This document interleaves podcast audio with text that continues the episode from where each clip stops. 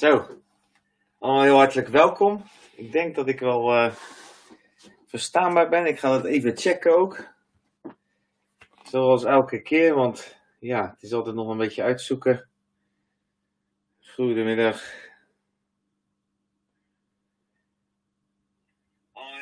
Ja, ik hoor mezelf. Nou, dan horen jullie mij ook als het goed is. Super fijn om weer met elkaar te zijn. En eh, ja, ik heb er vooral zelf ook elke keer heel veel zin in. Want het is heerlijk als je lekker met een studie bezig bent. En het is denk ik vier jaar geleden dat ik hier allemaal notities bij maakte. En dan uh, nu is uh, het uh, moment en de tijd daar dat ik die notities ook kan uitwerken. en al die mooie dingen weer voorbij zie komen. En mag verwerken tot iets wat ik met jullie mag delen. En ik moet zeggen dat ik daar ontzettend van geniet. Um, even kijken of jullie allemaal goed staat. Ja, nou prima. Dan gaan we lekker beginnen. We zitten in de Road to Revival. En we gaan nu deel 6 doen. En dat gaat over het losmaken van de ketenen. En um, we gaan het woord van God induiken. En daar zitten weer zulke prachtige dingen in vandaag dat ik helemaal enthousiast ben om het met jullie te gaan delen. En er heel veel zin in heb.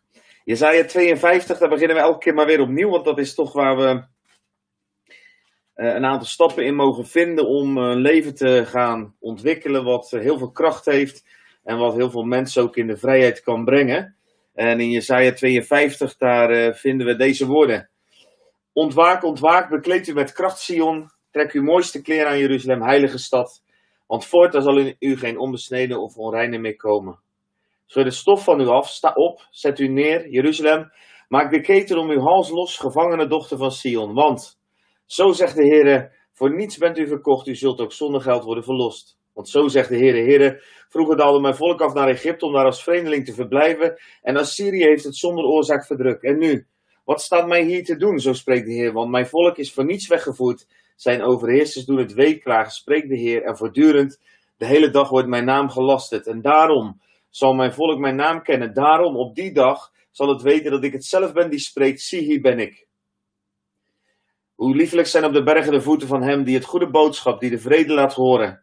Die een goede boodschap brengt van het goede. Die hij laat horen en die tegen Sion zegt, uw God is koning. Een stem. Uw wachters verheffen hun stem. Tezamen juichen zij, want ze zullen het zien oog in oog als de Heer terugkeert naar Sion. Breek uit in gejubel, juich de samen puinhopen van Jeruzalem, want de Heer heeft zijn volk getroost. Hij heeft Jeruzalem getroost. Nou, voordat ik verder ga, stel gerust je vragen. Ik kom er pas denk ik aan het eind op terug. Ik zie ze soms, daarom kijk ik af en toe deze kant op. Hier staat een beeldscherm waar ik dan uh, jullie vragen eventueel uh, voorbij zie komen. Maar uh, meestal als ik het vuur van mijn verhaal ben, ja, dan, ik ben er niet zo goed in om dat dan tegelijkertijd te doen. Dus, maar ik ga hoe dan ook altijd je vragen even nalezen. Ik deel ook aan het eind ook even alle bijbelteksten die ik erbij heb gezocht of die langskomen. Want het is niet altijd zo dat dat wat in mijn aantekeningen staat precies is wat, wat er uiteindelijk door God gebruikt wordt. Um, Jezaja 52. Ik hoop dat je net als ik langzaam maar zeker een beetje verliefd begint te worden op het woord van God in het algemeen. En op dit prachtige hoofdstuk dan in dit geval in het bijzonder, want het is onze road to revival. Uh, onze weg naar herleving. En herleving is wat Gods hart is. God wil altijd dat dingen herleven. God wil altijd dat mensen in hun kracht komen. En inmiddels zijn we aangekomen bij de zesde stap van die road to revival. En dat is de ketenen losmaken. We zijn wakker geworden. Dat betekent dat we uit de doden opgestaan zijn, zou je letterlijk kunnen zeggen. Ik zie even kijken, zo heel even die opzetten. Dan zie ik in ieder geval als jullie wat, uh, wat doen. Ik haal even het logotje ook weg, anders hangt dat de hele tijd voor mijn armen. En dan, uh, kijken, zo. Helemaal goed. Kijk, als jullie wat vragen, dan als het goed is, zie ik het. We zijn allemaal nog een beetje aan het wennen. Het is allemaal nieuw voor mij ook, maar ik, hartstikke leuk om op deze manier uh, iets van mijn hart met jullie te mogen delen en iets van Gods hart met jullie te delen. Oké, okay, terug Jezaja 52. Wakker worden, uit de dood opstaan, anders gaan kijken staat er eigenlijk. Hè? Waakt op, ontwaakt, doe je ogen open staat er. Nou, deel 1, luisteren terug. Um, daarna moeten we ons aankleden, bekleden met de kracht van de Heilige Geest. Dus de kracht van de Heilige Geest aan doen. Onze mooiste kleren aandoen, een mantel is dat ook. Dat gaat over positie innemen, kom ik zo nog wel even op terug hoe dat doorloopt ook in de tekst die we vandaag uh, gaan behandelen.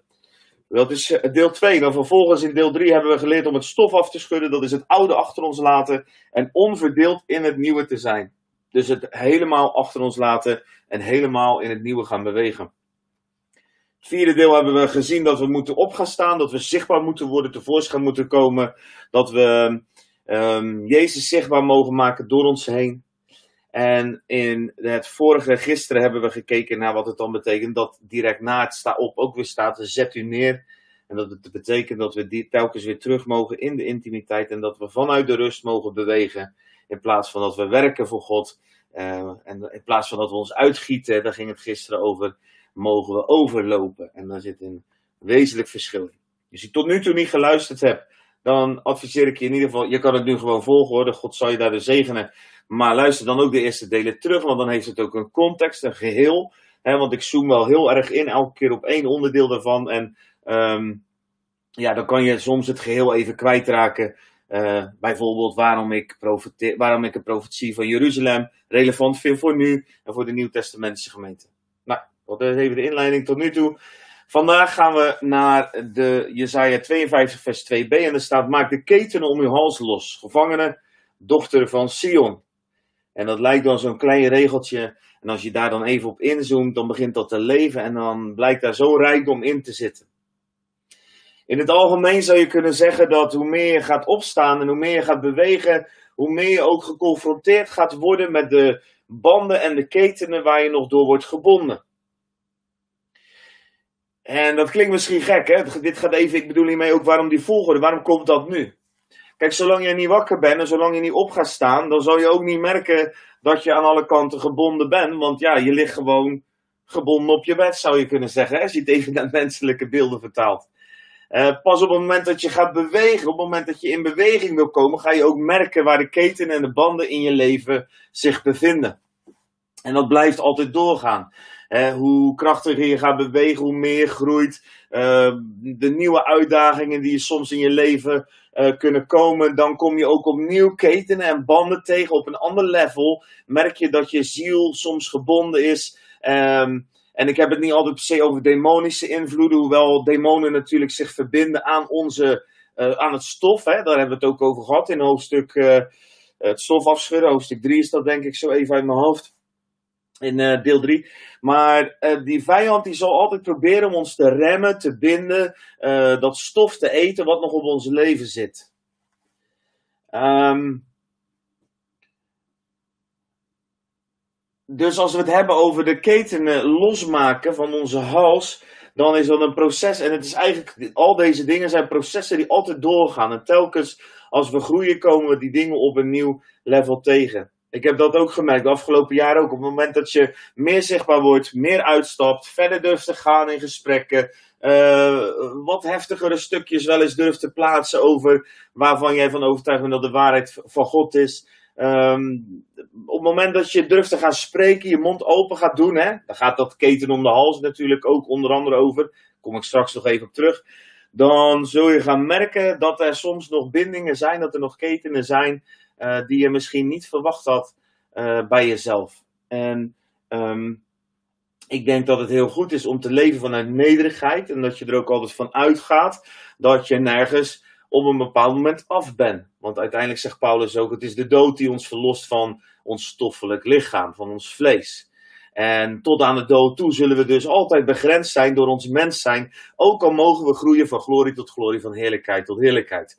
dus we komen elke keten tegen. Dus dat proces van opstaan en, en mantel aan doen en stof afschudden, in beweging komen. En als we in beweging komen, kunnen we ook gaan merken waar we knellen even helemaal inzoomen op dat zinnetje. Want er zit al zoveel verborgen in deze prachtige zin. En het is zo belangrijk om die context te scheppen voordat we, uh, dat we die boodschap die God daarin heeft gelegd er ten volle uithalen. Maak de ketenen om uw hals los, gevangene, dochter van Sion. Als je kijkt, en sommige vertalingen, ik gebruik zelf altijd overigens de herziene statenvertaling, vind ik een hele prettige vertaling uh, omdat hij vrij dicht bij de grondtekst uh, probeert te blijven. Um, maar goed, wees daar vrij in. Ieder heeft daar zijn eigen voorkeuren in. Um, als je kijkt naar de vertaling, dan staat eigenlijk in het, in de grondtekst staat er niet zozeer dat je de keten los moet maken, maar dat er, staat eigenlijk letterlijk ontdoeien van de keten. Dus en sommige vertalingen hebben dat ook zo vertaald. Uh, uh, eigenlijk net als het stof afschudden. Er staat eigenlijk schud het stof af en ontdoeien van de ketenen. En dat is wel een heel verschil. Hè? En het is een heel belangrijk verschil. Essentieel om dat ook te begrijpen. Want het spreekt meer eigenlijk van jouw houding als van de situatie. Dus als, als je vanuit het perspectief van God naar die ketenen kijkt, dan ben jij eigenlijk niet zozeer gebonden, maar jij accepteert als het ware die ketenen nog steeds. Dus um, uh, jouw houding is nog steeds zo alsof je die ketenen hebt, maar je, ze zijn los is heel belangrijk, zeker voor ons als Nieuwtestamentische gelovigen, om dat uh, principe te begrijpen. En dat heeft ook alles te maken met hoe we uiteindelijk onszelf kunnen ontdoen van die ketenen. En dat zullen we straks ook verder gaan ontdekken. Maar um, het is dus zo belangrijk dat er eigenlijk staat: ontdoe je van die ketenen. Die ketenen kan je net zo goed als het stof, kan je ook deze ketenen afschudden. Als je in het Nieuwe Testament leest, staat er een hele interessante tekst in 2 Timotheus 2, vers 26. En daar staat dat zij mogen ontwaken uit de strik van de duivel, door wie zij levend gevangen waren om zijn wil te doen. En um, dat klinkt heel heftig natuurlijk, maar de Bijbel spreekt hier over levende mensen, want je hebt wel eens van die discussies, hè. Kan je nog gebonden zijn of kan je wel, als terwijl je al leeft? Nou, als je dus deze volgorde neemt in Jesaja, maar als je ook 2 Timotheus 2 vers 26 uh, neemt en, en vele andere teksten. Daar blijkt gewoon uit dat wij als mens eigenlijk, en we zijn wel volmaakt in Christus en we hebben wel een volmaakte nieuwe natuur en we moeten volmaakt daarin wandelen, maar tegelijkertijd zijn we ook nog vlees en dat vlees moeten we doden en in dat vlees kan zich nog allerlei gebondenheden of allerlei invloeden van de vijand afspelen. De, uh, iemand als Wilke van der Kamp heeft daar een prachtig boek over geschreven. En uh, we zijn heel veel dankbaar ook van wat we hem, van hem hebben mogen leren. Uh, in, de, in de tijd dat we mee mochten lopen in, en mee mochten kijken in die bediening. Um, en die heeft het eigenlijk over, over hè, je, je kan gebonden zijn in de zin van dat je bezeten bent. Dus je bent bezet door de vijand. Dan ben je dus daadwerkelijk een slaaf. Dus dan ben je echt geketend. Dan zijn die ketenen niet los. Dan is het niet een kwestie van afschudden, dan zal je eerst Jezus moeten eh, leren kennen en dan zullen de ketenen verbreken en dan kan je ze afschudden, waar hier over gesproken staat. Maar je kan het ook hebben over oppressie dus dat wat om, en circumcessio, dus datgene wat om je heen cirkelt, of datgene wat bedrukt en in jouw gedachten nog dingen probeert te doen. En alles wat de vijand doet, is eigenlijk het landen op het stof waar ik in dat andere hoofdstuk, eh, waar ik in een andere deel over gesproken heb. Hij probeert dat stof te eten. Dus als hij in jouw gedachten nog een werking kan hebben, dan komt dat eigenlijk omdat um, het woord van God en Gods waarheid nog niet volmaakt in jouw denken is ingedrongen.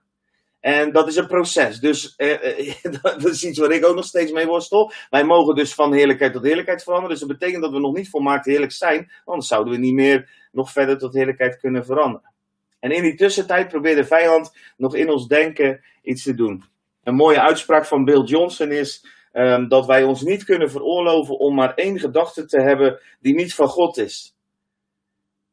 Helaas kunnen wij als mensen vaak ook niet voorkomen dat we nog wel eens gedachten hebben die niet vanuit God zijn. Maar elke keer als we ons veroorloven om een gedachte te hebben die niet zo krachtig vanuit de hoop en vanuit het geloof is, als dat het woord van God ons leert, dan zal de vijand er altijd nog een bepaalde invloed in kunnen hebben. Maar wij mogen die ketenen losmaken. En als je dan naar die tekst kijkt, dan staat er eigenlijk een hele aparte tegenstelling. Er staat, um, maak de ketenen om uw hals los gevangene, staat er dan. Dus komma, gevangene, komma, dochter van Sion. Dus er staat gevangene en dochter staat eigenlijk uh, direct naast elkaar. En het is een hele vreemde constructie. Het is net alsof God door, door zijn woord heen, door dat wat Jezaja spreekt heen, ons wil corrigeren, ons denken wil corrigeren, waarbij hij er ons wijst op onze positie waar we in gekomen zijn. We zijn een dochter van Sion, hè, dat wijst ook op de bruid van Christus. We hebben onze mooiste kleren aangetrokken. Als je even teruggaat naar vers 1, daar staat ook Sion, trek uw mooiste kleren aan. Dus dat woordje Sion, wat weer terugkomt in Jesaja 52, vers 2, dus wat uit vers 1 in 2 weer terugkomt, dat wijst op die positie. Dat wijst op dat we onze mooiste kleren aan hebben, dat we autoriteit hebben, dat we een mantel hebben, dat we in een roeping bewegen. En dat staat tegenover het gevangene. Dus eigenlijk staat in deze zin, je zou kunnen zeggen, een, contradictie in terminis. Dus een in zichzelf gekeerde tegenstelling. Er staat zowel dat je gevangen bent als dat je een dochter van Sion bent. En dat is eigenlijk ook waar ik het net over had. We zijn zowel de oude mens als de nieuwe mens. En ook al moeten wij ons volledig focussen op de nieuwe mens, dan betekent het niet dat die oude mens nooit meer opspeelt. En daarom is het ook zo mooi dat Jezaja hier laat zien dat we in dat proces van revival, hè, waarin we zijn opgestaan, dat we weer leren terug te komen in die intimiteit. En dat we in die intimiteit ook juist daar ontdekken dat er nog zoveel ketenen soms kunnen zijn die ons uh, terughouden of ons uh, bedrukken of bedekken of onze kracht roven. Dat het hier tegenover elkaar staat, dat is eigenlijk ook zo mooi, omdat het als het ware klinkt het ook als een vader die zegt van joh, uh, je gedraagt je als een gevangene, maar je bent mijn dochter, je bent mijn zoon, je bent mijn dochter, je bent mijn bruid. He, zo spreekt God ook door deze tekst heen naar de gemeente. En de gemeente, dat ben jij. En, en hij zegt eigenlijk van, je gedraagt je als een gevangene, maar je bent mijn bruid. Hij zet het tegenover elkaar. Het prikkelt. Het, het daagt iets uit in, in, in je. En, en het is zo mooi wat er dan in die kleine woorden verborgen zit. Als je uh, Jezaja 52 uh, vers 1 en 2 leest, dan worden ook in zowel vers 1 als in vers 2 Jeruzalem en Sion genoemd. Die twee namen worden gebruikt. En ik heb in deel 1 van de Road to Revival uitgelegd waarom Jeruzalem het beeld is van de Nieuw-Testamentische gemeente. Maar dan is het ook belangrijk om te begrijpen wat Sion is en waarom Sion zo heel bewust genoemd wordt. Nou, Sion zou je kunnen zeggen, uh, toen ik hiervoor aan het bidden was, maar jaren geleden dus. Uh, en, en dan, dan heb je het over, als je het over Sion hebt, heb je het eigenlijk over de diepste identiteit van Jeruzalem. Dat is een beetje een rare uitspraak natuurlijk, maar Sion is eigenlijk de plek waar uh, op de berg Sion is Jeruzalem gesticht. Dat was de plek waar ook de tempel is gebouwd. Je zou kunnen zeggen, het is het hart, het is de diepste identiteit van Jeruzalem. Vertaal je dat naar het Nieuwe Testament, dan heb je Jeruzalem als het beeld van de Nieuw-Testamentische gemeente. En dan heb je Sion als de rots waarop deze gemeente gebouwd is. Het fundament, Jezus Christus. 1 Korinthe 3, vers 11 zegt: Een ander fundament dan dat hij ligt, namelijk Jezus Christus, kan niemand leggen. Jezus Christus is het fundament van de Nieuwtestamentische gemeente. En waar de Nieuwtestamentische gemeente gezien wordt, eh, eh, verbeeld wordt als Jeruzalem, is Jezus het Sion in Jeruzalem. Het is de diepste identiteit. Dus als God ons aanspreekt dat wij ons moeten kleden in onze mooiste klederen, Sion, zoals hij dat in het eerste vers doet, en opnieuw zegt van uh, dochter van Sion, gevangene dochter van Sion, dan wijst dat op de bron van onze identiteit, op de diepste identiteit, op onze oorsprong, namelijk dat we, dat we gebouwd zijn op Jezus Christus. En dat dat ook onze oorsprong en bron is waar we altijd op terug kunnen vallen. En het is ook het besef van die identiteit, en daar kom ik zo ook op terug, en daarom is het zo belangrijk dat God het woord Sion hier ook gebruikt. Het is niet zozeer uh, de gemeente die onze identiteit bepaalt, als wel de hoeksteen van die gemeente, namelijk Jezus de rots, de Sion. Sion betekent ook God is verzoenend. En die betekenis is uiteraard ook belangrijk, omdat wij moeten beseffen dat de grondslag en um, van eh, het fundament van onze vrijheid en van onze positie, die we in mogen nemen, allemaal gelegen is in het kruis, in het werk van Jezus, van Sion, wat Jezus voor ons gedaan heeft. God is verzoenend. Um, dat besef maakt vrij. Als wij daadwerkelijk beseffen wat Jezus aan het kruis gedaan heeft, dan zullen we vrij worden omdat we ons los kunnen maken van al die dingen die ons anders proberen te keten en die ons proberen vast te houden. Er is geen andere manier, er is geen andere uh, weg om ons daarvan los te maken dan door Sion, door Jezus heen. En alles wat we daarnaast proberen, dat leidt tot gevangenschap. We zullen een aantal van die dingen straks ook gaan behandelen. Dan ga ik in kort op die ketenen. En dan zullen we zien dat juist dat weten dat God verzoenend is, het teruggaan naar het kruis van Jezus telkens weer. Dus ook elke keer als we op een ander level weer nieuwe dingen in ons leven tegenkomen, of als we struikelen, uh, dan is het telkens weer dat we naar God is verzoenend, naar Sion gaan om daar de verlossing te vinden en weer te zorgen dat we weer op gaan staan ons weer neer gaan zetten, weer in beweging komen en dat hele proces zich mag herhalen wat God heeft uh, uitgetekend in Jesaja 52. Wie in hem gelooft zal niet beschaamd worden. Sion, God is verzoenend.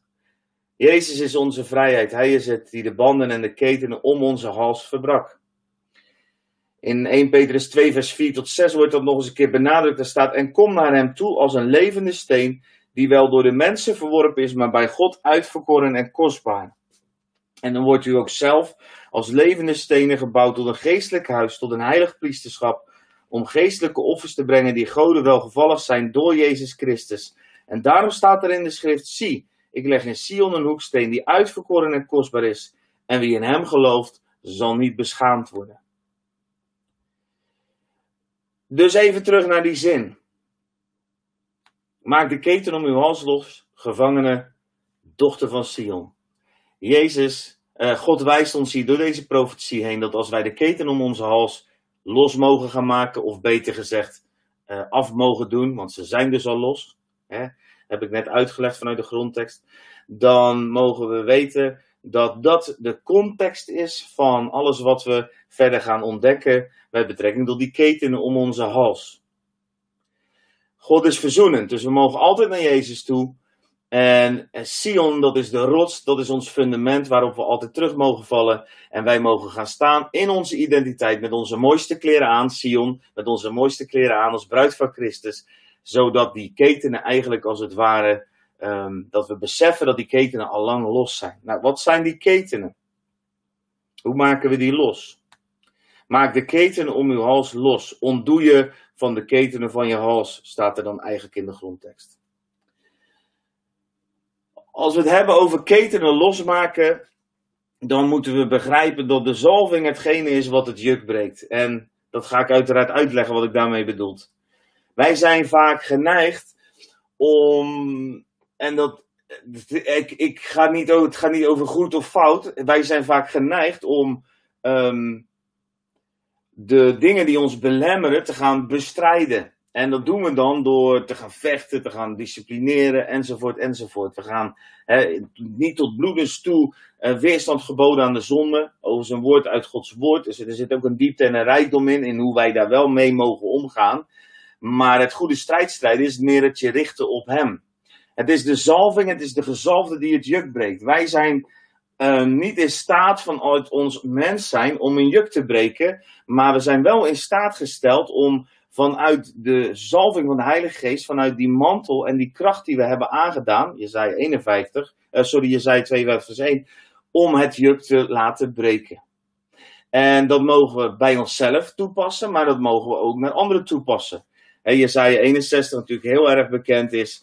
Uh, uiteindelijk als je deze uh, Jesaja natuurlijk doorleest, daar zit een opbouw in.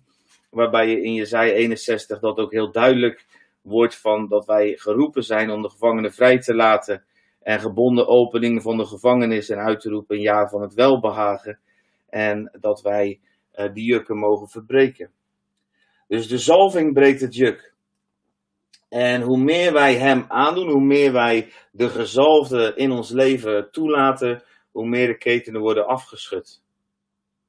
In deel 2 en 3 en 5 ga ik daar heel uitgebreid op in, dus ik adviseer om dat te luisteren, zodat we nu verder kunnen gaan met um, wat die ketenen dan kunnen zijn in ons leven.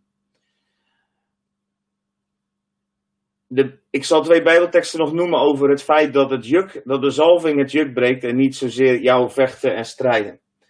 In Jesaja 10, vers 27 staat deze prachtige tekst. Op die dag zal het gebeuren dat zijn last van uw schouder zal afglijden. Hè, dus het ontdoen van, je, van de last. En zijn juk van uw hals. En dat juk zal de gronden gericht worden omwille van de gezalfde. Dus ons juk wordt ten gronde gericht omwille van de gezalfde. Wat ik al zei, omwille van het kruis. En in die woorden die Jezaja spreekt, hoor je natuurlijk ook hoe Jezus die als het ware vertaalt naar zichzelf op het moment dat hij in Matthäus 11, vers 28 tot 30 zegt: Kom naar mij toe, alle die vermoeid en belast zijn, en ik zal u rust geven. Neem mijn juk op u en leer van mij dat ik zachtmoedig ben en nederig van hart. En u zult rust vinden voor uw ziel, want mijn juk is zacht en mijn last is licht. Ik kom later nog een keer terug op deze tekst en ook hoe dat zich verhoudt tot welk juk Jezus ons dan wil geven. De zalving breekt het juk. Dus dat betekent dat wij onder de zalving, onder Gods kracht, onder de gezalfde mogen komen en dat het juk mag breken. Dus, en ik heb dat eerder ook al een keer gezegd en ik vind dat een heel belangrijk principe, omdat ik heel veel mensen zie worstelen met de zonde, maar daarmee zijn ze ook, ze zijn letterlijk aan het worstelen met de zonde, in plaats van dat ze de goede strijd strijden, namelijk een focus op Jezus hebben. Dus je moet niet focussen op de keten, maar je moet focussen op de keten breken. Je moet niet focussen in je leven op de banden die er zijn, maar je moet je focussen op degene die de banden breekt, de gezalfde. Je moet je niet focussen op de gevangenis waar je misschien nog tegenaan loopt of wat je nog ervaart in je leven, maar je moet je focussen op hij die de vrijheid is, op de gezalfde. Je moet je niet focussen op de leugen, maar je moet je focussen op de waarheid, de gezalfde. Je moet je niet focussen op de dood, maar je moet je focussen op het leven, het leven, de gezalfde. Ik ben de weg, de waarheid en het leven.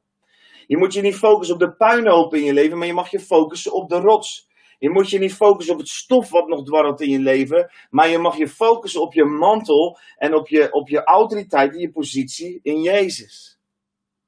Je, mag je, je moet je niet focussen op de vijand, maar je moet je focussen op de overwinnaar, op Jezus. Het is zo belangrijk om vanuit dat principe te leven. Want anders kan je zo bezig gaan zijn met wat er nog niet goed is in je leven. En eigenlijk vergeet je dat je bezig moet zijn met Hij die alle goed is. En die alle goed voor jou bewerkt heeft. En Hij is de gezalfde. En zoals Jesaja 10 vers 27 zegt, zal Hij het juk in jouw leven ter gronde richten. Nou, dit was even het eerste stukje van de tekst die we vandaag gaan behandelen. Of eigenlijk het tweede stukje. Hè? Dus Maak de ketenen om uw hals los, gevangene dochter van Sion. Dan gaan we nu kijken naar maak de ketenen om uw hals los. De ketenen om uw hals. Allereerst mag dat zijn dat je vrij wordt van schaam, schuld en angst. Van angst, schuld en schaamte. Wij zeggen in het Nederlands zelfs letterlijk: de angst grijpt me naar de keel. Het woord van God zegt iets heel anders. volgens het woord van God grijpt niet de angst naar je keel, Volgens het woord van God staat er dat hij ons niet gegeven heeft een geest van vreesachtigheid, angst, maar dat God ons een geest heeft gegeven van kracht en liefde en bezonnenheid. En dan staat er direct achteraan, schaam u dan niet. Dus niet schaamte voor het getuigenis van onze Heer en ook niet voor mij, zijn gevangenen. 1 Timotheus 1, vers 7 tot 8.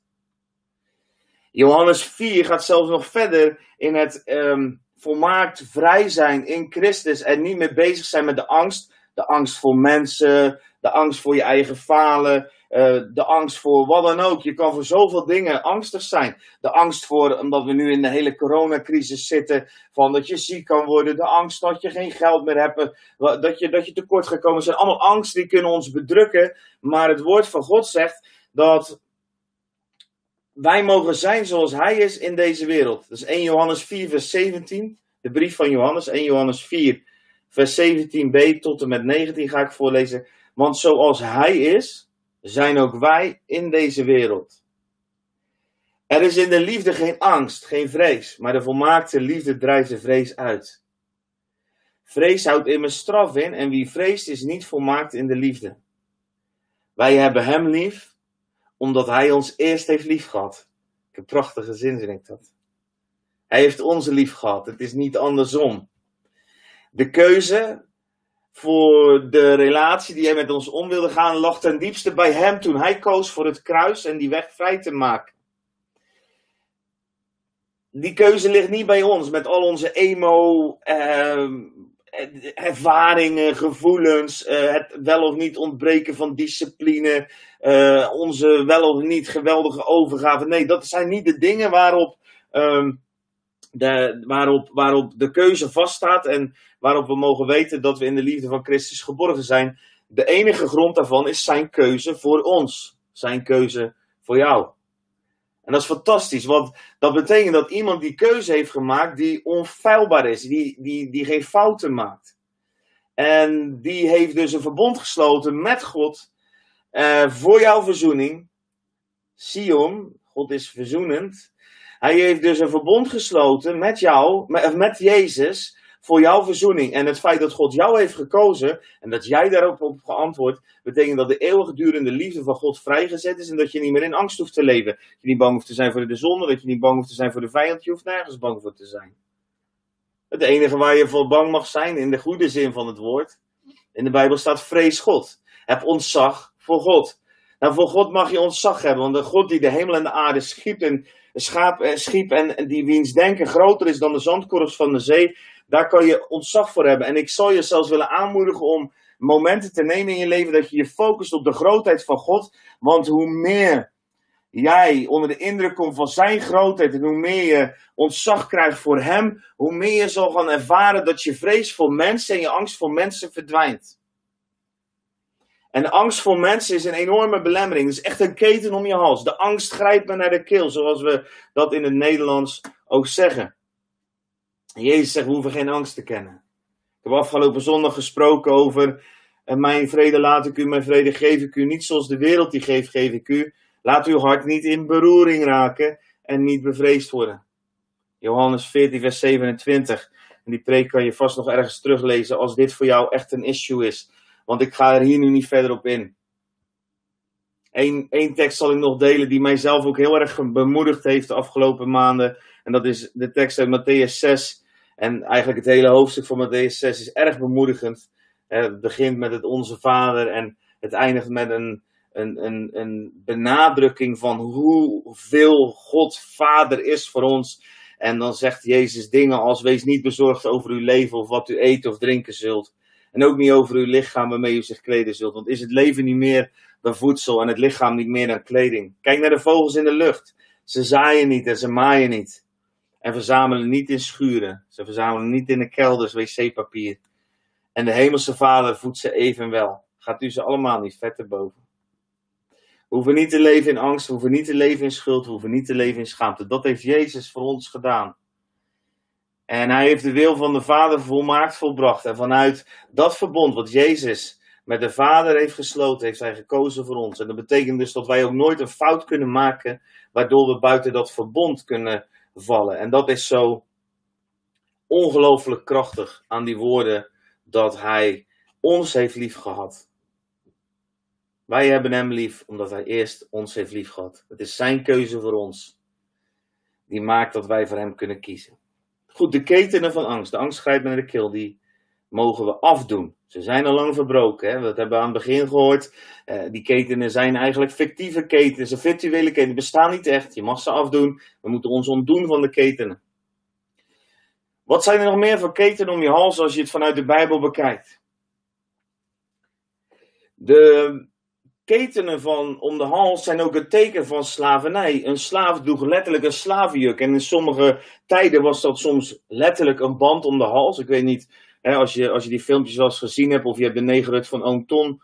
Tom, een prachtig boek. Als je dat niet gelezen hebt, zou je dat zeker eens moeten lezen. Om ook uh, geactiveerd te worden in gerechtigheid en in een, in een verlangen naar gerechtigheid. Um, maar die ketenen kunnen letterlijk om de hals zitten. En daar verwijst eigenlijk ook dit woord naar, Jezaja 52. Um, we moeten dus leren dat we geen slaven zijn, maar dat we zonen en dochters zijn. Dus de keten om onze hals, dat is het geloof en, en het leven als een slaaf. In plaats van dat we leven met die mantel van Sion, dat we als zonen en dochters leven. In Gelaten 5 vers 1 staan de woorden: Christus heeft ons bevrijd opdat wij in vrijheid zouden leven. Houd dus stand en laat u niet opnieuw een slavenjuk opleggen. Gelaten 5 vers 1. Christus heeft ons dus bevrijd. Dat is een feit. Een kruis. Opdat wij in vrijheid zouden leven.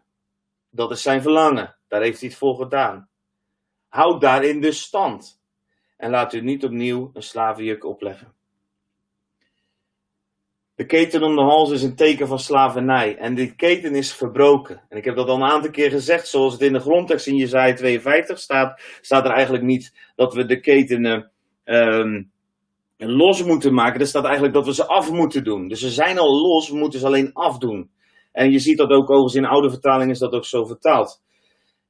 Laat je niet opnieuw dat slavenjuk aandoen. Laat je niet opnieuw onder dat stof van, van de vijand komen. Want wij zijn kinderen, we zijn geen slaven, we zijn kinderen. Dat is zo belangrijk om dat verschil te beseffen. In Galaten 4, vers 6 tot 7, overigens de brief aan Galaten is een prachtige brief om te lezen bij deze les, want die gaat helemaal over het slavenjuk. Ehm, daar staat nu, omdat u kinderen bent, heeft God de geest van zijn zoon uitgezonden in uw harten en die roept Abba Vader. Dus nu bent u niet langer slaaf, maar u bent kind. En als u kind bent, dan bent u ook een erfgenaam van God. Een erfgenaam van God, nou dat is een flinke erfenis die ons dan te wachten staat. Door Christus. Gelaten 4, vers 6 en 7. De keten waar wij ons van mogen ontdoen, het juk om onze hals.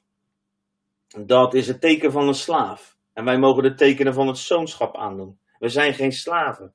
Een slaaf wordt eigenlijk gezien in, in de geschiedenis en ook hè, als je dat in de Bijbelse context ziet, dan als een dier, een juk. Hè, het juk wat op ons gelegd was, eigenlijk vergelijkbaar met, met die ploegende ossen waar een juk op gelegd werd. Een slaaf was niet meer dan een dier. Sterker nog, er waren uh, heel wat mensen waarbij dieren meer waard waren dan de slaven. Dus als wij leven als een slaaf, zullen we altijd de ketenen van een slavenjuk met ons meedragen. Wij moeten beseffen dat we geen slaaf zijn. Een slaaf is ook het volle eigendom van zijn meester. Een meester voor een slaaf had alle recht om te doen met een slaaf wat hij maar wilde. Een slaaf had geen rechten. Een slaaf was niet vrij om keuzes te maken. Een slaaf wist ook niet wat zijn heer ging doen of wat voor besluiten zijn heer maakte. Dat werd niet met hem overlegd en ook niet met hem gedeeld. Hij kreeg alleen opdrachten, bevelen die hij uit moest voeren. Een slaaf bouwt ook geen erfenis op. Er is geen nalatenschap. Er is niets verder dan elke dag te overleven. Een slaaf heeft geen rechten. Een slaaf is letterlijk geketend, kan vastgelegd worden en wordt opgesloten als de avond valt. En een slaaf kan op ieder moment zomaar van eigenaar verwisselen. En, en al deze beelden die ik zomaar even geef, en ik kan er nog veel meer noemen, maar omwille van de tijd wil ik het hierbij houden. Je kan jezelf er iets heel goed bij voorstellen dat als uh, de Bijbel zegt dat wij ons geen slavenjuk moeten leggen, dat we ons moeten ontdoen van die keten om ons hals, dat die verwijzing naar dat slaaf zijn, dat wij in Christus zo anders zijn dan slaaf. Want al deze dingen die ik net opnoem, zijn zo niet van toepassing op iemand die als een kind van God leert te leven, die de mantel van Sion heeft aangedaan, die de bruid van Christus is. Daar is alles wat hier gezegd wordt niet mee in, over, in overeenkomst. En als we die ketenen van ons afdoen, die al lang losgemaakt zijn, dan hebben we het dus over dat we moeten leren om een andere identiteit aan te doen. Dat we niet moeten leren denken, dat we niet langer moeten denken als een slaaf, zonder rechten, zonder mogelijkheden, zonder visie, zonder uitzicht, zonder enige kans op een normaal leven. En zelfs de kinderen die uit je voortkomen, de, de generaties na je, hebben eigenlijk geen ander uitzicht op een andere toekomst. Dat is zo'n visieloos, zo'n zinloos, zo'n hopeloos leven. En, en, en, en God zegt, dat moet je niet jezelf aan laten doen. Dat moet je niet jezelf op laten leggen, want dat is wel wat de vijand wil. En wij moeten leren krachtig anders te denken. Als wij willen gaan leven als revivalisten, als we willen gaan leven als mensen die de kracht van God brengen in elke situatie, dan moeten we het slaafse denken moeten we van ons afwerpen. En het is een geest van slavernij. Je ziet in sommige landen, en dat is heel heftig om te zien. En, en nogmaals, ja, ik, ik wil hier nu geen oordelen of waardeolen. Wij in Nederland hebben natuurlijk ook een echt een nare achtergrond op het gebied van slavernij. Maar er is geen land ter wereld waar dat soort dingen niet gespeeld hebben. Maar wat je ziet is dat een geest van slavernij zo diep kan zitten dat zelfs generaties 200 jaar later nog reageren vanuit slaafs gedrag dat dat zo in de generaties is kapot gemaakt, dat het zo een geest is die in het denken uh, een positie heeft gekregen, dat zelfs generaties later mensen nog reageren uh, vanuit slaafs gedrag. En, je ziet dat bijvoorbeeld wel in ontwikkelingslanden waar um, ja, mensen niet in staat zijn om daar overheen te stappen en telkens weer terugvallen in eigenlijk een soort apathisch gedrag. En daar, gelukkig zijn er fantastische projecten en wordt er heel hard gewerkt, ook in dat soort landen, om gerechtigheid te brengen. Want het is niet de wil van God dat mensen op die manier leven. God heeft ons gemaakt naar zijn eigen beeld en God is in alles geen slaaf. En mensen horen ook in alles geen slaaf te zijn. En wij mogen ook zeker, hè, als je Jezaja 58 haal ik wel vaker aan, omdat dat ook in de context zit van Jezaja 52 tot uh, Jezaja 62 maar Jezaja 58 zegt ook als een van de eerste dingen dat we de jukken moeten verbreken en dat we als we in de wil van God gaan leven, is dat we de onderdrukte vrij laten heen gaan. Dat we elk juk breken. Dat we de banden van het juk ontbinden en de boeien van goddeloosheid. Het is Gods wil nooit geweest dat er slaven zijn op deze aarde. Het zijn mensen die dat elkaar aandoen. Wij zijn allemaal mensen. We zijn allemaal geschapen naar het beeld van God. En als we ons ergens voor in mogen spannen in deze wereld, is het wel dat elke slavernij verbroken werd. Maar slavernij is niet alleen iets fysieks, het is dus ook iets geestelijks. En het heeft alles te maken met identiteitsloos. Dus als we het hebben over de ketenen van onze hals, die al los zijn, maar die wij af moeten doen, dan hebben we het ook over identiteitsloosheid of het verkeerde bron van identiteit hebben. Ik lees jullie uit Romeinen 8, vers 15 tot 17. Ik, ik, ik, ik heb geen idee. Soms ga ik misschien een beetje snel of niet. Ik zal proberen een beetje te vertragen, maar ik ben zo enthousiast over wat er allemaal te vinden is in het woord van God. Romeinen 8, vers 15 tot 17 staat dit. Want u hebt niet de geest van slavernij ontvangen, die opnieuw tot angst leidt, maar u hebt de geest van aanneming tot kinderen ontvangen, door wie wij roepen, Abba, Vader. En die geest getuigt met onze geest dat wij kinderen van God zijn. Het slaaf zijn staat dus recht tegenover het kind van God zijn. Die twee dingen staan 100% tegenover elkaar. En onze nieuwe schepping is een kind van God. Onze oude schepping is een slaaf. Slaaf van de wet, een slaaf van de zonde, slaaf van angst, noem maar op. Maar onze nieuwe zijn, onze nieuwe wezen, onze nieuwe identiteit is volkomen vrij van slavernij. Als wij terug mogen veranderd worden naar het beeld van God, zoals we ooit bedoeld zijn, zoals het woord ook zegt, dan moeten we dus leren om die nieuwe identiteit te koesteren, te bewaken, te beheersen, die toe te passen in ons leven en die oude identiteit ons leven uit te krijgen. Die geest van slavernij, die mogen we wegsturen. En dat doen we door die weg te sturen. Letterlijk te zeggen dat als jij merkt bij jezelf dat symptomen zijn van slaafsgedrag, dat je jezelf daarin corrigeert en dat je ook de vijand daarin bindt. We hebben ook de macht gekregen, dat gaat ook over die banden. Als we de vijand binden, dan ontbinden we dus ook iets op aarde. Als de vijand jou lastig valt, dan zeg ik in Jezus' naam nu dat hij gebonden is. En op het moment dat hij in Jezus' naam gebonden is, dan ben jij dus ontbonden. Dan moet je daarin ontwaken, moet je daarin op gaan staan enzovoort. Hetzelfde proces weer. In alle dingen waarin we dood zijn. Maar even terug naar identiteit. Dus een slaaf heeft eigenlijk geen identiteit. Hij is volledig identiteitsloos. Want hij, hij, als hij moet antwoorden op de vraag wie ben ik, dan kan hij eigenlijk alleen maar zeggen: ja, ik ben een slaaf van iemand. Ik ben van iemand. Hij heeft helemaal niet het recht om zichzelf te vormen, zou je kunnen zeggen. Heftig om dat te beseffen, maar de Bijbel zegt dus hier, die geest van slavernij die tot angst leidt, dus die altijd in de vrees is, die staat tegenover de geest die wij hebben ontvangen, en dat is de geest van aanneming tot kinderen.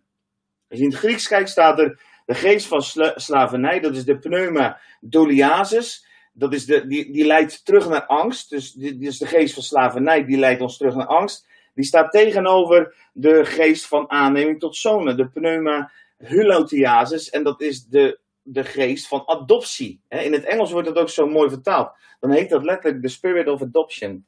Uh, dat staat ook echt in de grondtaal. Dus wij zijn geadopteerd. Nou, als je dat wil begrijpen, dan moet je ook weer verdiepen in hoe dat in de Romeinse tijd ging. Als iemand geadopteerd werd, zelfs als een slaaf geadopteerd werd, wat voorkwam, want sommige slaven hadden wel degelijk uh, erkenning van hun meester of werden zo gewaardeerd. Net als uh, bijvoorbeeld het verhaal van Jozef, hoe die zich ontwikkelt van slaaf tot uiteindelijk. Dat zijn de dingen die gebeuren.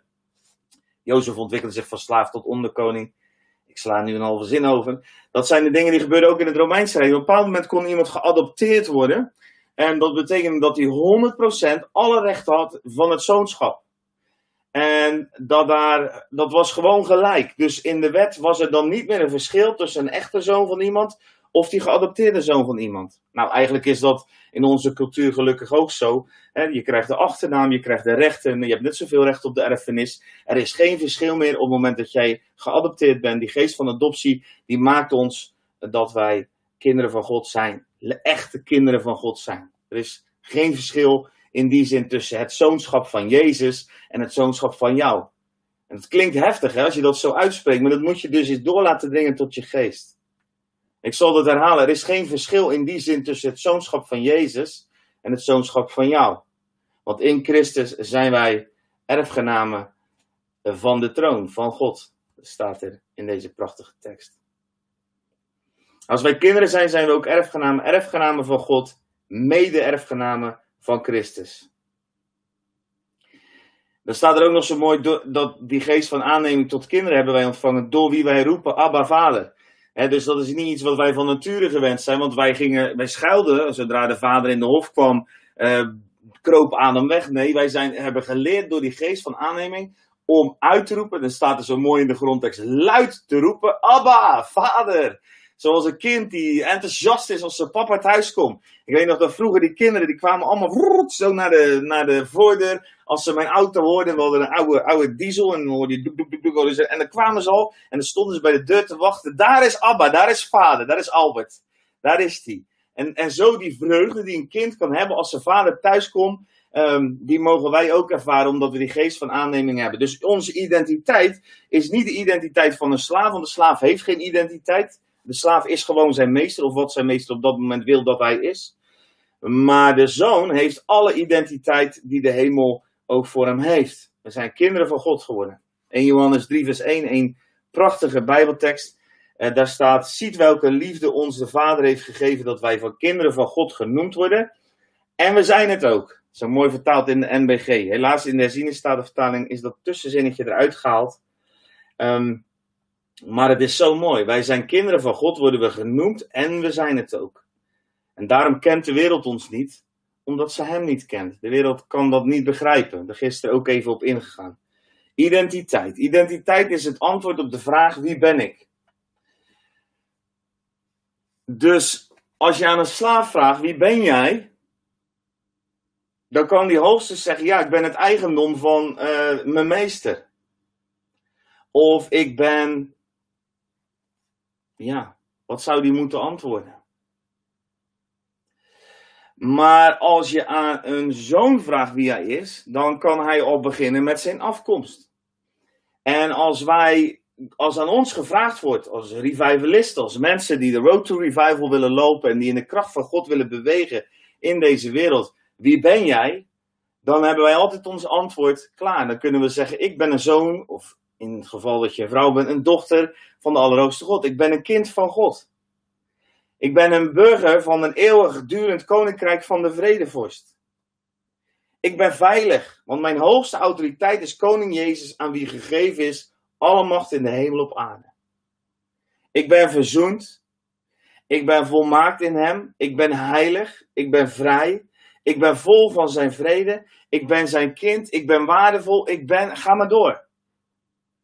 Op de website van iamlove.nl, onze website, staat een hele mooie lijst met allemaal ik ben teksten die wij onszelf mogen toe-eigenen in Christus, omdat we die prachtige tekst die we net voorgelezen hebben, wij in Christus um, kinderen zijn en ook erfgenamen, erfgenamen van God en mede-erfgenamen van Christus. Dus we zijn de identiteit die in God is, dat wij geschapen zijn naar zijn beeld, die komt terug in ons leven en die mogen wij aannemen omdat we geadopteerd zijn, mogen we daaruit gaan leven. Dus wij hebben heel veel antwoorden op wie we zijn en dat zijn zulke krachtige antwoorden dat we daarmee de wereld om ons heen kunnen laten schudden.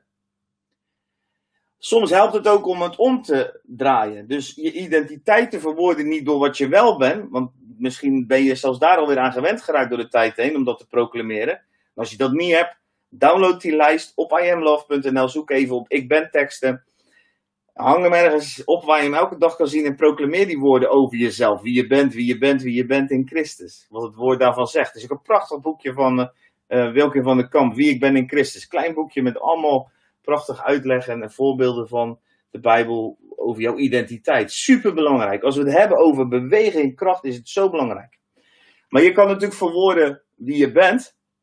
Maar soms helpt het ook, en ik, ik denk dat ik je daar ook een beetje in aan wil moedigen, om dan eens op te schrijven wie je niet bent. Want we weten soms heel goed te vertellen wie we wel zijn in Christus, maar als we dat dan vertalen naar wie we niet zijn, dan blijkt opeens dat we daar soms nog best wel wat aarzelend in staan. Ik bedoel dit, het woord, als je dus de vraag antwoordt ik ben, en eh, dan hebben we al die dingen die we net opgenoemd hebben, maar als je nou beantwoordt welke vraag ik ben niet, wat ben je niet? Nou, dan ben je dus geen slaaf, als je vanuit goddelijk perspectief kijkt. Dan ben je dus ook niet bang. Dan ben je dus ook niet bezorgd. Dan ben je dus ook niet hopeloos. Dan ben je dus ook niet moedeloos. Dan ben je dus ook niet angstig dan ben je dus ook niet verward. dan ben je dus ook niet dom. Dan ben je dus ook niet waardeloos. Dan ben je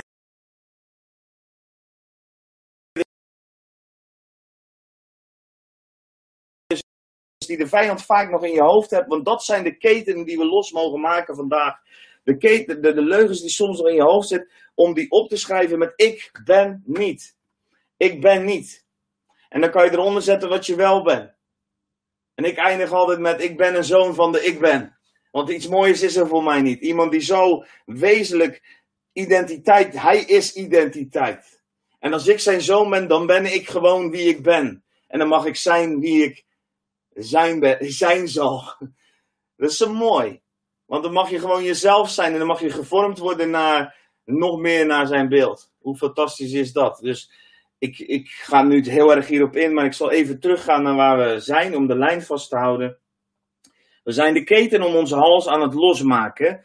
En daarbij is het dus belangrijk om te bedenken dat, als er in Jesaja 52 staat, maak de keten om uw hals los, gevangene dochter van Sion, dat er dus eigenlijk staat dat, die, dat we ons moeten ontdoen van die ketenen, want die ketenen zijn al los. dus als je in de grondtekst kijkt, staat er ontdoe u van de ketenen. Die keten om onze hals, dat kunnen dingen zijn als angst. Daar hebben we net even over gehad. Ehm, dat kunnen dingen zijn zoals waar we het nu net over gehad hebben, identiteitsloosheid. Het niet begrijpen van je zoonschap, niet begrijpen wie je ten diepste bent. De Bijbel spreekt ook heel vaak over de slavernij van de wet. Um, de regels, de prestatie in plaats van de relatie. En ik denk dat ik daar gisteren ook even op ingegaan ben. Dus luister deel 5 ook even af. Want ik zie dat de tijd alweer snel gaat. Maar als bepaalde teksten moet je gewoon. Uh, de Bijbel spreekt over slavernij. Hè, dus ik denk bijvoorbeeld aan Galaten 5. Uh, lees gewoon Galaten 5. Daar staan woorden als van. Uh, u bent van Christus losgeraakt, die door de wet gerechtvaardigd wilde worden. En daarmee bent u uit de genade gevallen. Eh, het hoofdstuk begint met: Sta dan vast in de vrijheid waarmee Christus ons vrijgemaakt heeft. Laat u niet weer een juk van slavernij belasten. Paulus die houdt zo'n pleidooi van dat we loskomen van de slavernij van de wet.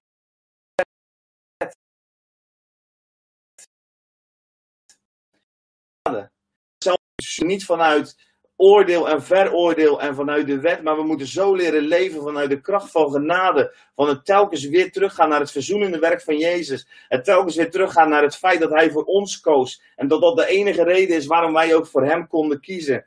Dat we mogen leven vanuit genade. En natuurlijk is er waarheid. Tuurlijk is er waarheid. Maar het leven onder de wet en onder allerlei regels en onder allerlei prestatienormen, dat is het meest verlammende voor de kracht van God zichtbaar te maken in deze wereld. En als er ketenen zijn die jij los mag maken in je leven, dan is het wel die ketenen van religie en van wet. Want wat zal je door moeten geven? Wat moet je, wat moet je vertellen tegen iemand? Is het, Jezaja 52 in vers 7 staat uiteindelijk dat er iemand is die lieflijk is op de bergen. Dat gaat over jou. En die het goede boodschap, die vrede laat horen. Die een goede boodschap brengt van het goede, die heil laat horen. Er staat drie keer het goede, er staat het heil en de vrede. Komen er later nog op terug wat dat allemaal inhoudt. Maar hoe kan je nou iets goeds brengen als je zelf nog als een slaaf onder de wet leeft en helemaal niet begrijpt dat het gaat om relatie en niet om prestatie? Ik verbreek dat juk over je. Die bedekking die er ook over je gelegd wordt, telkens weer als je de wet hoort uitspreken. Zoals Mozes dat ook zegt in, 2 Korinthe, in 1 Korinthe 13. 2 Korinthe, sorry, nou ben ik hem even kwijt. Colossense 3 is het, denk ik. Ik zal het straks even opzoeken, dan deel ik het nog even. Um, dat, dat juk wat telkens weer opgelegd wordt, dat moet je afdoen. Het juk is namelijk verbroken. De wet is vervuld. Jezus heeft de wet vervuld. Als je daar goed in verdiept, ik zal nog twee voorbeelden nemen. Ik geloof toch dat het belangrijk is. Ik geloof dat de mensen kijken die hier echt mee worstelen. Misschien niet nu, maar wel mensen die dit nakijken. Je worstelt ermee, want je begrijpt niet hoe je dit moet plaatsen, hoe je dat moet pakken. Ik zal je twee voorbeelden nog geven vanuit het woord. En het woord van God is de maat waarop wij mogen navigeren in ons leven. Handelingen 15. Even heel snel de context. Er, zijn, er is onrust in de nieuw ontstaan er gemeentes, Paulus en Barnabas, die brengen de genade van Christus en die zeggen eigenlijk, nou ja, je hoeft je niet aan al die regels te, te houden, je hoeft je niet te laten besnijden enzovoort, want Jezus heeft de wet vervuld. En je moet leven vanuit dankbaarheid en vanuit genade en vanuit kracht en vanuit waarheid, vanuit de Heilige Geest die je gegeven is als een mantel. Je moet je bekleden met kracht, maar je moet je niet allemaal druk te maken over al die regels. En dan komen de mensen, die komen ook vanuit uh, de gemeente van Jeruzalem of vanuit Jeruzalem. Dat zijn mensen die, um, die, die zeggen van je moet wel van alles onderhouden. En dan komt er een bijeenkomst, in Handelingen 15 kan je dat vinden. En ze noemen dat wel eens de eerste synode. Ik, zou, ik weet niet of je het zo kan noemen, maar voor de eerste keer werden er echt eigenlijk een soort um, gezamenlijk door de discipelen, de apostelen moet ik zeggen. Uh, en, en Paulus was daar ook bij en Barnabas waren erbij werden er een aantal regels opgesteld. Dan moet je horen hoe fascinerend dat plaatsvindt. En alleen dit al zou je wakker moeten schudden als jij nog leeft onder het juk van de wet. Paulus, eh, ze komen met die discussiepunt van hoe moeten we nou eigenlijk omgaan met de wet in het nieuwe verbond. Dan zeggen ze dit, wel nu dan. Handelingen 15 vers 10.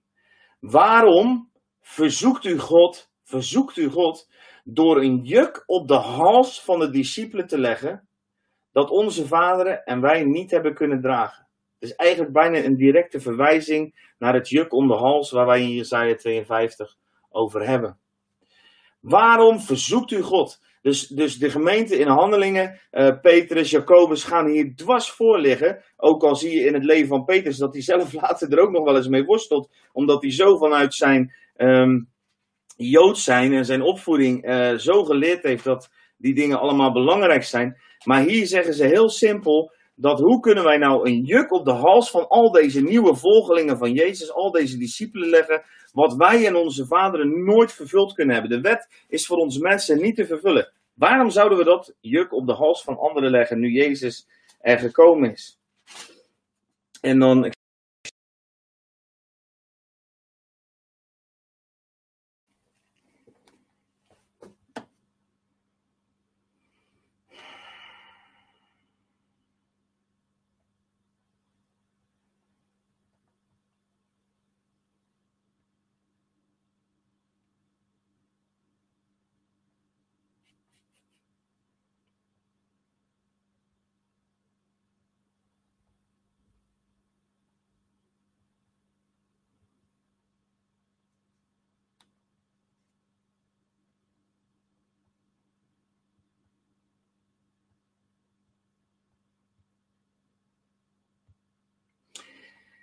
Ja, heel vervelend. ik, uh, ik ga maar gewoon even verder. Helaas viel die er heel even uit. Ik hoop dat jullie het weer terug kunnen vinden. Anders kan je straks verder luisteren. Maar ik was dus even bij Handelingen 15. Dus het juk van de wet. Het juk van de wet wat dus verbroken is. En waar die gemeente bij elkaar komt. En dat de, de apostelen daar zijn. En Petrus staat op. En um, die zegt dan, Petrus zelf zegt. Wel nu dan, waarom verzoekt u God door een juk op de hals van de discipelen te leggen dat onze vaderen en ook wij niet hebben kunnen dragen. Maar wij geloven door de genade van de Heer Jezus Christus op dezelfde wijze zalig te worden als ook zij. En heel de menigte zweegt. En dan gaat het verder. En um, als je dan uiteindelijk leest waar die hele vergadering toe leidt, dan, dan staat er dat ze dit schrijven. Ze geven een, een brief mee en die geven ze mee naar al die gemeentes. En iedereen uh, die tot geloof gekomen is, die mag deze woorden in zijn leven toepassen. En daar staat dit: Wij hebben gehoord dat sommigen die bij ons vandaan zijn gekomen, u met woorden in verwarring hebben gebracht. En uw zielen hebben verontrust door te zeggen dat u besneden moet worden en de wet moet onderhouden. Maar wij hadden hun daar geen opdracht voor gegeven. Fascinerend hè? Handelingen 15, lees het maar na. In jouw Bijbel staat het ook. Want het heeft de Heilige Geest, ik sla even een klein stukje over omdat we vanwege de tijd, want het heeft de Heilige Geest in ons goed gedacht u verder geen last op te leggen dan deze noodzakelijke dingen dat u zich onthoudt van afgodenoffers, van bloed, van het verstikken en van hoererij. Als u zich ver van deze dingen houdt, zult u juist handelen.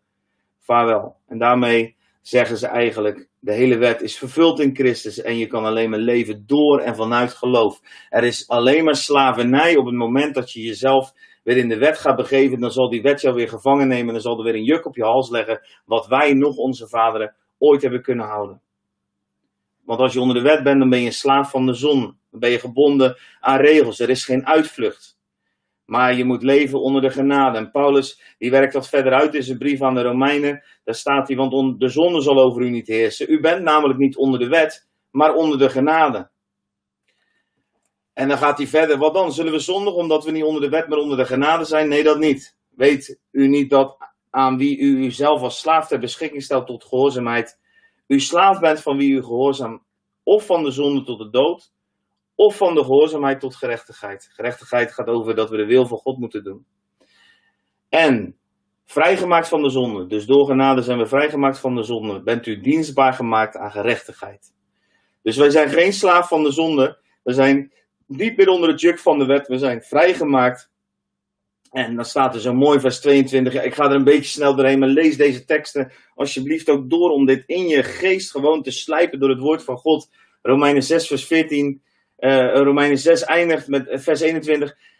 Maar nu van de zonde vrijgemaakt en aan God dienstbaar gemaakt, hebt u de vrucht die tot heiliging leidt, met als einde ook het eeuwige leven. Dus de vrucht die hier op aarde al tot heiliging leidt, met als einde het eeuwige leven. Dus een proces wat we ingaan, waarin we steeds mooier mogen worden. We zijn onder de genade, we zijn dienstbaar aan de gerechtigheid, de wil van God, die we steeds meer leren kennen vanuit relatie. Wat heb je te brengen als je zelf nog een slaaf bent? Wat is het goede wat je kan boodschappen, zoals Romeinen 52 vers 7 zegt? Hoe, hoe kunnen jouw voeten lieflijk zijn als je zelf nog een slaaf bent? Daarom moeten we die juk die, die om onze hals gebonden zit, die, die al losgemaakt is, moeten we van ons afdoen. Ik zal je nog één tekst geven en die raakt mij altijd heel erg zelf persoonlijk ook omdat ik dat zoveel in mijn leven ook gezien heb. Vroeger als kind ben ik vrij wettisch opgegroeid. En um, op een bepaald moment toen ik tot Jezus gekomen was, las ik deze tekst. En dat ging voor mij ook zo over het milieu waar ik zelf in ben opgegroeid. Uh, dat ik dat heel, het raakte me heel heftig. Maar Jezus zegt deze dingen. Matthäus 23, vers 13 tot 15. Matthäus 23, vers 13 tot 15. Overigens, dat hele hoofdstuk is heel heftig. Maar daar staat, Jezus zegt dit. Maar wee, schriftgeleerden en fariseeën, huigelaars. U sluit het koninkrijk van de hemelen voor mensen. U gaat er immers zelf niet binnen. En hen die er binnen willen gaan, laat u er niet binnen gaan. Als wij leven als slaven, dan zijn we dus ook niet in staat om een ander het koninkrijk van God binnen te brengen. Sterker nog, er staat hier dat we eigenlijk het koninkrijk van God toesluiten. Dus zolang jij nog leeft onder de wet en niet onder de relatie, zolang jij nog leeft onder wet en oordeel in plaats van onder waarheid en genade, dan zal je het koninkrijk van de hemel toesluiten voor mensen. Dat is heftig. Dan moet je door jezelf door laten dringen. Want eh, Jezus gaat nog verder. Hij zegt: Wees schriftgeleerden en, en fariseeën, huigelaars. U eet huizen van weduwe op en voor de schijn bidt u lang. Maar daarom zult u een zwaarder oordeel ontvangen. Wees schriftgeleerden en fariseeën, huigelaars. Want u reist zee en land af om één bekeerling te maken. Proseliet staat er in de de Statenvertaling. Dat betekent een bekeerling. En als diegene een bekeerling is geworden, maakt u hem als een kind van de hel. Dubbel zo erg als u.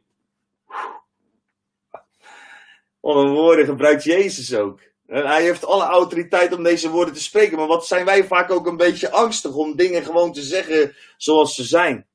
Jezus zegt hier gewoon, als wij leven onder de slavernij van de wet, als wij dat juk niet breken in ons eigen leven, als wij die ketenen niet van onze eigen hals verwijderen, dan zal alles wat door onze hals naar buiten komt, zal mensen uh, weerhouden om het koninkrijk van God binnen te gaan. En, het zal, en als we er dan eentje bekeren tot ons wetticisme, dan maken we van hem een kind van hel. En nog dubbel zo erg als dat we zelf zijn. Oh. Het raakte mij wel toen ik dit de eerste keer zo tot me doordring en ook mezelf daarin ging onderzoeken van oké heer, waar zit er nog zoveel wet in mij? Want vergis je niet dat die wet veel dieper zit in ons. We zijn zo geneigd om te oordelen, we zijn zo geneigd om te beoordelen. Maar we moeten leren leven vanuit genade, zodat de gerechtigheid van God, zoals de Romeinen zeggen, uit ons leven van voort kan komen. Oké, ik ben al veel te lang aan het spreken. Ik ga er nog eentje behandelen. En dat, dat, ik hoop dat je dat je er weer bij bent, want hij, uh, hij, werd, hij ging er even uit, de livestream. Maar ik ga hem gewoon nog behandelen. En uh, misschien dat je. Um, um, want ik denk dat deze nog heel belangrijk is. En voor veel mensen is dit misschien wel een hele reële ook in hun pad om in kracht te leven. de ketenen om je hals, die spreken namelijk ook over de keel die dicht wordt geknepen. Hè? Dus die keten om je hals, die verhinderen je ook letterlijk om te spreken. Ik zal het even voordoen. En ik denk dat heel veel van ons dat gevoel kennen. Het is een van de meest voorkomende angsten die wij mensen hebben. Om te spreken over Jezus of over het goede of aan publiek. Überhaupt vinden mensen het heel eng om voor een groep te spelen. Dat heeft uh, te spreken. Dat heeft alles te maken natuurlijk met onze identiteitsloosheid, waar ik het eerst over heb gehad. Maar die angst om te spreken, die jouw keel dichtknijpt, soms ook letterlijk. Mijn vrouw heeft daar altijd een, een heel krachtig getuigenis ook over hoe Jezus haar heeft bevrijd en hoe ze ging beseffen dat ze wel degelijk ook iets te brengen had en dat de wereld dat ook echt nodig had. En hoe ze daar doorheen moest breken en dat ze klappertandend letterlijk gewoon keel dichtgeknepen werd. En, en dat ze daar doorheen mocht met de kracht en de liefde en de genade van Jezus en hoe ze daarin losgebroken is tot de fire uh, die ze nu is en die ze nu brengt. De keel wordt dichtgeknepen. Um, heel veel mensen zijn bang om te spreken. Pas op de markt nog gingen wat spullen halen. En die mevrouw zei: Joh, wat ga je met al die prachtige bloemen doen? En uh, we zeiden van: Nou, we hebben een uh, conferentie, een weekend of revival. En uh, oh, zegt ze, maar moet je dan ook op een podium staan? Ze zegt: Nou, ik zou alles durven, maar dat nooit. En dat hoor je heel vaak. En um, het is natuurlijk irreëel, het is angst. Want waarom zou jij niet iets te vertellen hebben? En waarom zou jij niet iets kunnen delen? En natuurlijk hoeft niet iedereen op een podium te staan. Ik denk dat het woord heel duidelijk is dat sommige mensen zijn geroepen als mond. En dat zijn dan vaak um, de mensen die op een podium staan, denk ik. En sommige zijn de ogen, en sommige zijn de oren, en sommige zijn. We hebben allemaal een plek. Maar tegelijkertijd zegt het woord ook dat wij allemaal zijn getuigen zullen zijn. Dus we hoeven niet allemaal op een podium te staan. We, hoeven, we hebben niet allemaal een bediening die, die door God gebruikt wordt om anderen toe te rusten. Maar we moeten wel allemaal ten alle tijde bereid zijn, zoals het woord zegt, om een goed getuigenis af te leggen van de hoop die in ons woont. En daarvan mogen we weten dat als die banden in jouw leven ook nog spelen, dat die banden verbroken zijn. Zoals we elke keer zeggen, het is niet een kwestie van die banden hoeven wij niet te verbreken. Het is juk, wordt gebroken door de zalving, door de gezalfde. En dat is al gebroken, dat is aan het kruis gebeurd. Het enige wat wij moeten doen is onszelf ontdoen van die banden. En als het gaat om de angst om te spreken of het angst om een getuigenis te geven, dan mogen we weten dat Jezus ons zo bemoedigt om dat te doen. Dat hij zegt in Lucas 12 uh, bijvoorbeeld. Um, wanneer ze u dan zullen brengen voor de overheden en machthevers, wees dan niet bezorgd wat u ter verdediging moet zeggen of wat u moet spreken, want de Heilige Geest zal u in dat uur leren wat u moet zeggen. En dat is mijn ervaring ook. Als wij in situaties komen, we hoeven niet altijd helemaal voorbereid te zijn. Soms merk je in gesprekken, de Heilige Geest neemt het over en je zegt dingen waarvan je echt denkt van wat? Dat dat in mij, dat dat uit mij tevoorschijn komt en dat er zoveel kennis of zoveel wijsheid ineens stroomt in een gesprek wat helemaal toegepast is op degene met wie jij dat gesprek hebt, met degene met wie jij je getuigenis van Jezus deelt. We hebben de Heilige Geest gekregen. Handelingen 1 zacht zegt, u zult, u zult kracht van de Heilige Geest ontvangen. En er staat ook eigenlijk in de grond dat u zult bekleed worden met kracht van de Heilige Geest. Die over u komen zal, die u zult bekleden. En u zult mijn getuige zijn. Is, je zal zijn getuige zijn. Als de Heilige Geest ruimte krijgt in je leven, als stof afgeschud wordt, als je bent opgestaan, je ogen zijn opengegaan, dan zal je zijn getuige zijn. Zowel in Jeruzalem als in Judea, in Samaria, tot aan het uiterste einde van de wereld. Uh, van, ja, van, van de aarde. En, en dat kan dus ook op, op een verjaardag zijn, dat kan bij de supermarkt zijn, dat kan overal zijn. Jij zal zijn getuige zijn, want hij wil jouw mond openen. En hij wil je de woorden geven die de ander nodig heeft om uiteindelijk die goede boodschap van het goede te horen. De keten om je hals. We mogen ze afdoen. En we mogen datgene aandoen wat Jezus ons wil geven. Ik heb de woorden al eerder genoemd. Kom naar mij toe, alle die vermoeid en belast zijn, ik zal u rust geven. Neem mijn juk op u. En leer van mij dat ik zachtmoedig ben en nederig van hart. En u zult rust vinden voor uw ziel. Want mijn juk is zacht en mijn last is licht. Het is natuurlijk grappig dat ik nu heel veel gesproken heb om dat je de keten om je hals, dat teken van slavernij, dat je dat van je af mag doen. Maar als je bijvoorbeeld leest van Paulus, die noemt zichzelf vaak een slaaf van Christus. In 1 Korinthe 7, daar zegt hij bijvoorbeeld. Um, sorry, in 1 eh, gelaten 1 vers 10 zegt hij bijvoorbeeld. Uh, wat ben ik nu nog bezig mensen te overtuigen van God? Of probeer ik mensen te behagen?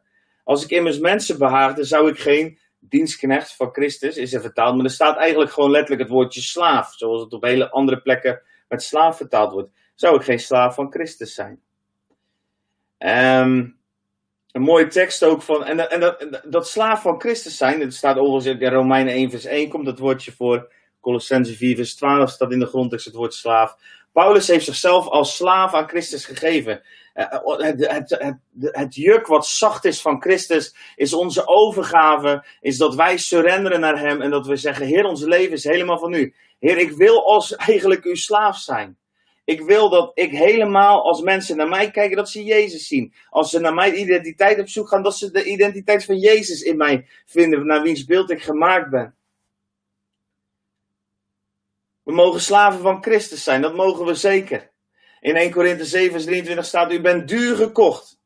Jezus heeft een enorme prijs betaald. Hè? Een slaaf kon worden vrijgekocht, kon van eigenaar verwisselen door een prijs te betalen. U bent duur gekocht, word dus geen slaven van mensen. We mogen geen slaven van mensen zijn. We mogen die banden om onze hals losmaken, welke banden dat ook zijn. We mogen geen slaven van mensen zijn, we mogen slaven van Christus worden. Ons toewijden om zijn leven te leven, om op te staan, om door te gaan, om ons neer te zetten, om wakker te worden, om, om, om de kracht van God in deze wereld te brengen. En het is zo grappig, want als wij ons toewijden als slaaf aan Christus, dan is eigenlijk het woord van God waarin Jezus zegt: Je bent geen slaaf, maar je bent geen vriend. Dus het antwoord van Jezus op onze toewijding als slaaf, zou je kunnen zeggen, dat is dat hij tegen ons terug zegt: U bent mijn vrienden. Johannes 15. U bent mijn vrienden als u doet wat ik u gebied. Je bent Gods vriend. Hij, je, je bent niet zijn slaaf, je bent zijn vriend als je wandelt in zijn wil. Als je niet wandelt in Gods wil, dan, dan kan dat natuurlijk ook niet. Dan, dan ben je ook zijn vriend niet. Dat klinkt misschien een beetje ruig in je oren, maar dan gedraag je je direct weer als een slaaf. Dus we zijn of als een vriend in Gods wil, of we zijn buiten Gods wil. En dan zijn we altijd slaaf. Slaaf van de wereld, slaaf van de zonde, slaaf van angst. Ergens ben je slaaf van.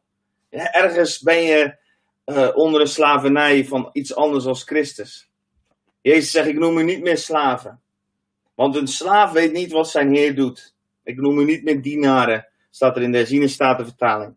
De grondtekst staat daar letterlijk het woordje slaaf.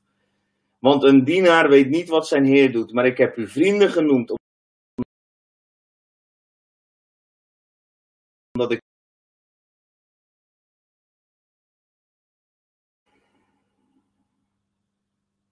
De keten om onze hals mogen we afdoen. Ik viel er weer uit volgens mij, maar ik ga maar even gewoon door, want anders raak ik hem ook even kwijt. En we mogen een sieraad omdoen. Want er horen geen keten om je hals, maar er hoort een sieraad om jouw hals.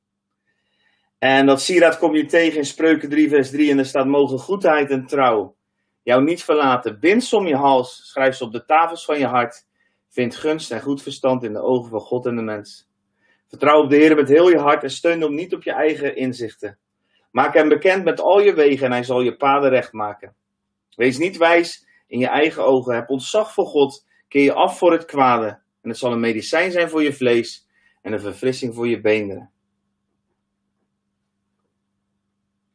Geen keten om onze hals, maar een sieraad om ons hals. Een sieraad waaraan mensen kunnen zien dat Christus in ons leeft. Het sieraad van de vrucht van de geest wat zichtbaar wordt in ons leven. Ik wil met je bidden. Vader, dank u wel dat we mogen bidden op dit moment, Heer. Dat de ketenen verbroken worden. De ketenen van angst, de ketenen van zonde, de ketenen van de wet. De ketenen die, die al lang verbroken zijn, Heer. Dat we ze op dit moment mogen afdoen. Doordat we uw waarheid aandoen. Vader, dat we datgene wat u niet bent uit ons leven weg mogen um, laten vloeien. Doordat we ons focussen op wat u wel bent en op wie u wel bent. En Vader, dank u wel dat u ons vult met onze nieuwe identiteit. Vader, dat we die ketenen van ons af mogen schudden. Omdat we mogen weten dat u ons bekleedt met een sieraad van gerechtigheid, van eer, van trouw, van liefde, van volmaaktheid. En vader, als we zo voor u staan en we willen ook deze stap maken om die ketenen van onze hals eraf te doen, die al lang verbroken zijn. Heer, willen we eerst eigenlijk bij uw kruis komen. En ik wil eigenlijk zo ja, u danken voor uw kruis, vader, waar u het mogelijk maakte dat wij niet langer een slaaf zouden zijn van de wet, niet langer een slaaf zouden zijn van de zonde, niet langer een slaaf zouden zijn van de wereld, identiteitloos, zonder toekomst, waarin we als een slaaf door het leven mogen worden, maar dat we het zoonschap, het adoptie, de geest van adoptie in ons mogen aannemen. Vader, wij mogen u aannemen en u neemt ons aan. En vader, dank u wel voor dat enorme wonder.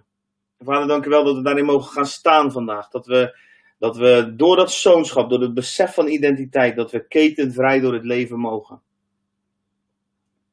En ik bid in Jezus' naam dat je op dit moment in jouw denken zo'n interpretatie plaats zal vinden van Gods waarheid. Dat ketenen gewoon spontaan op dit moment afvallen.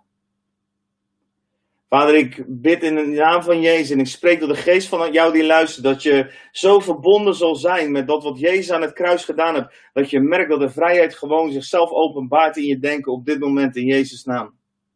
En Vader, dank u wel dat wij als lichaam opgewekt mogen worden om te bewegen in vrijheid, dat we als lichaam mogen, opgewekt mogen worden om u te laten zien in deze wereld.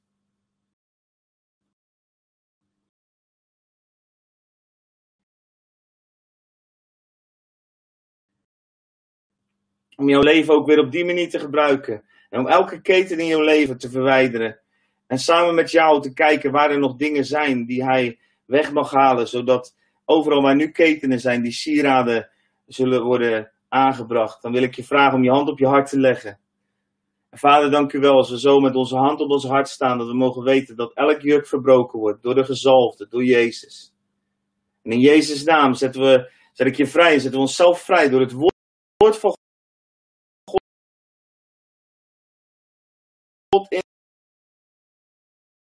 ons te.